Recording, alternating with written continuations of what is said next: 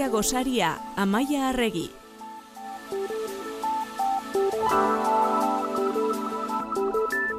Amaia Arregi Donostia International Physics Centerreko zientzialaria eta komunikazio arduraduna. Ongi etorri Amaia, zer moduz?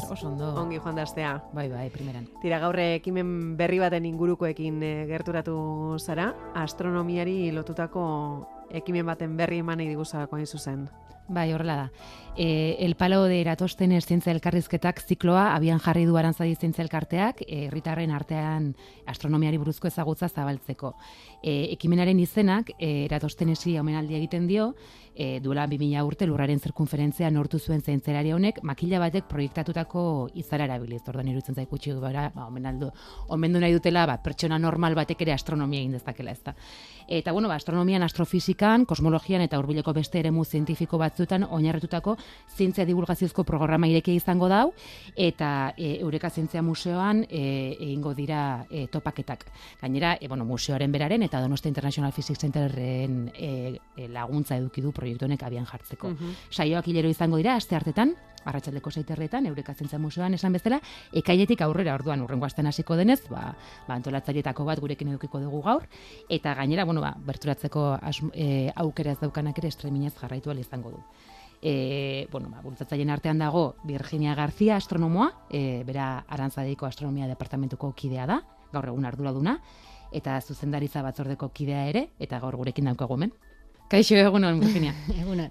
Bueno, e, astronomia betidani gustatu izan zaio Virginiari eta ikasketak bukatu zituenean, ba, Eureka Zientzia Museoan lanean aritu zen, e, hogei urterekin hasi zen astronomian lanean, kodatu digunez, hasieran badirudi jendeak ez ziola sinisten, eta han zortz urte e, aritu ondoren ja, arantzadira e, salto egin zuen, eta berdan egonda e, astronomia taldean lanean urte askoan zehar gaur, gaur egun arte. Bueno, ba, zorionak ekimen honen gatikan Virginia, eta konta iguzu, ba, formatu erakargarria diseinatu ez dute, e, hileroko topaketa hauentzako, e, sekzio desberdinekin, a ber, zertan datza proiektua? Bueno, ba, proiektua, egia zen, proiektua sortu zen, e, kontatzen baizuet nola sortu zen proiektua, ez nazute seinestuko. Proiektua zen, topatu ginelako egun baten, Eduardo Zubia eta biok, e, astronomiako bestekide bat, e, supermerkatu erosketak egiten, eta hasi ginen hitz egiten, ze egingo genuken, kongeladore, kongelatuen departamentuen artean, eta ba, gustatuko litzaiguke hau egitea eta bestea, eta kontua zen, e, bueno, ba, ikusten genuen azken boladontan prentsan azaltzen direla astronomia, astrofizika eta kosmologiari buruzko berri asko, eta oso gaizki kontatzen dituztela. Irakurtzen dezunean ez da ezer ulertzen, gaizki erra, e, bueno, kontatzen dituzte, edo kontatu behar dunak ez dulako benetan ulertzen, eta bar, ordun esaten genuen, eske lortu behar dugu berri hori jendea modu ulergarri baten iristea. Eta hortikan sortu zen ideia. Hortu zen, hortikan dator el palo de Eratosthenes. E, azken finean Eratosthenes modu errez baten neurtuzun e, lurraren zirkunferentzia, eta guk nahi deguna da astronomia, bueno, astro, astrofisika eta kosmologia modu errez baten ulergarrian jendeari hurbiltzea, bai? Eta hortikan dator formatu hau.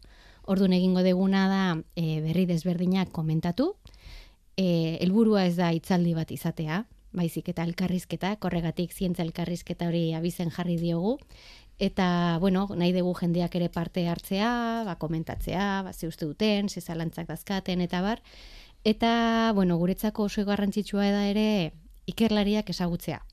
Ordun ekarriko dugu jabetero ikar, ikerlari bat, hitz egingo digu bere lanari buruz, kontatuko digu ba, bueno, zertan egiten duen lana, nola egiten duen lana, ze mediok dazkan lan hori egiteko, eta bueno, modu hortan ba, ikerketa jendeari pixkat gerturatu nahi dugu. Mhm.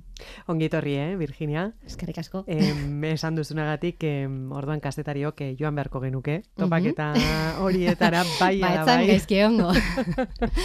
Eh, nori gehiago zuzendua dago? Ba berez, e, publiko guztiei zuzentzen diogu, baina bai egia da e, gure publiko normalean gai hauekin helduak izaten dira. Bai, Mhm. e, ba ikasleak edo ja helduak, e, ba bueno, ba pixkat interesa daukate edo kuriosidadea eta bar. Eta pentsatzen dugu eh, zuen eh, asmoa badela eh, nolabait saio irekiak egitea, ez e, parte Bai. hartzea sustatzea eta Bai, norbaitek galderak baldin baditu, Mhm. e, ikerlariak esku eskura eure e, eukiko dituztela ba, galdera horiek e, egin eta eta zalantza horiek e, mai gaineratzeko. Bai, esan detena, azkenean e, ez ditugu hitzaldiak egin nahi. Osea, guk hitz egin eta jendeak entzun ez. Osea, nahi dugu elkarrizketa bat izatea ba, gu irurun artean, osea, Eduardo eta biok egongo gea saio guztietan gehi ikerlaria, eta gero, ba, bueno, gert, gerturatzen dan jendeak ere parte hartzeko aukera izango du. Ba, azkenean mundu guztiak dakazio zer kontatzeko, denok zerbait berri ikasten dugu, eta helburua hori da, elkarrizketa bat izatea. Eta gero gainera, bueno, ea talde ezberdinak izango ditu, esan dezun bezala, bat zientzialeri bati elkarrezketa egingo zaio, gero Mhm. objektu zerutu, zerutiarrak ere e, aztertuko dira, al, azken Bai. albisteak, eta gero gainera, sarreran e, kontatu diazunagatikan, e, egongo da tarte bat ere, e, hilabete hortan zeruan ikusiko denaren errepaso bat egiteko, ez?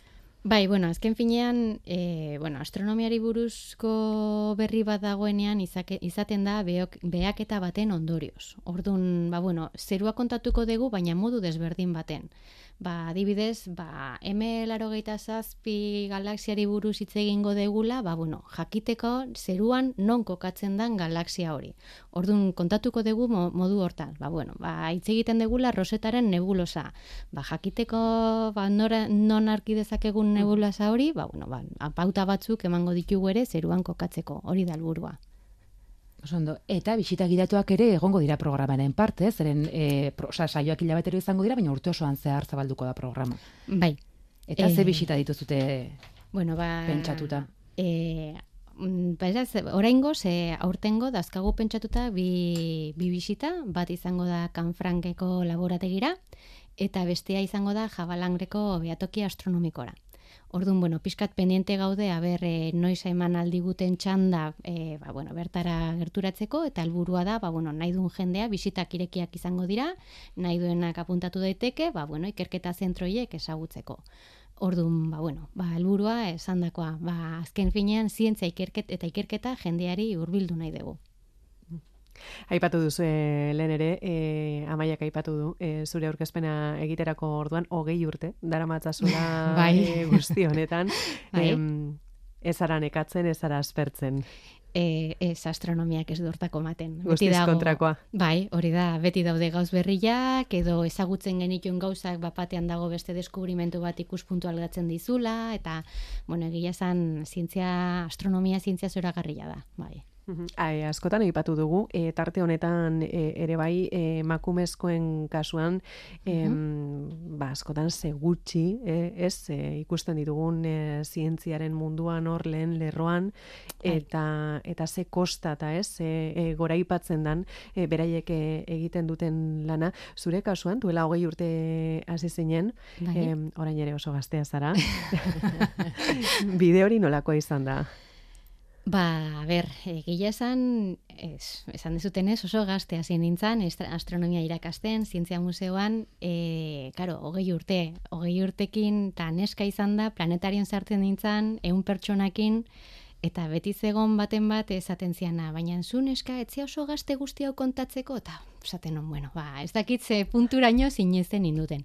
Oain ja, ba, bueno, pentsatzen dut hogei urte eta gero, ba, beste jarrerakin ikusikoetela, simurrak ere aurpegukoak nabaritzen diala, eta ja, ba, bueno, gehiago sinisten ate, baina, bai, egia esan, punt, gauz puntual horiek eh, kenduta, ondo, arazori gabe. Nik egia esan ez dut arazorik euki. E, gerturatzen direnen e, profila, gutxi gora beran e, nolakoa izaten da, e, esan duzu, e, jende heldua e, joaten dela normalean, baina tira, e, gazteenek ere aurki oporrak hartuko dituzte. A ber, e, gazteak ez da ga erresa gazteak e, mundu ontara ekartzea.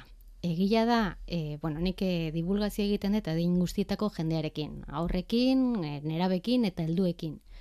Aurrekin primeran, astronomia aur guztiei gustatzen zaie. Mhm. Helduei, ba bueno, e, badirudi ba txikitan zekaten kuriozidade hori adin batetik aurrea, ba bueno, berriro bueltatzen dala eta gauzak berriz ikasteko gogoekin daudela baina nerabeak eta oso, oso, oso zaila da erakartzea. Bai, oso zaila.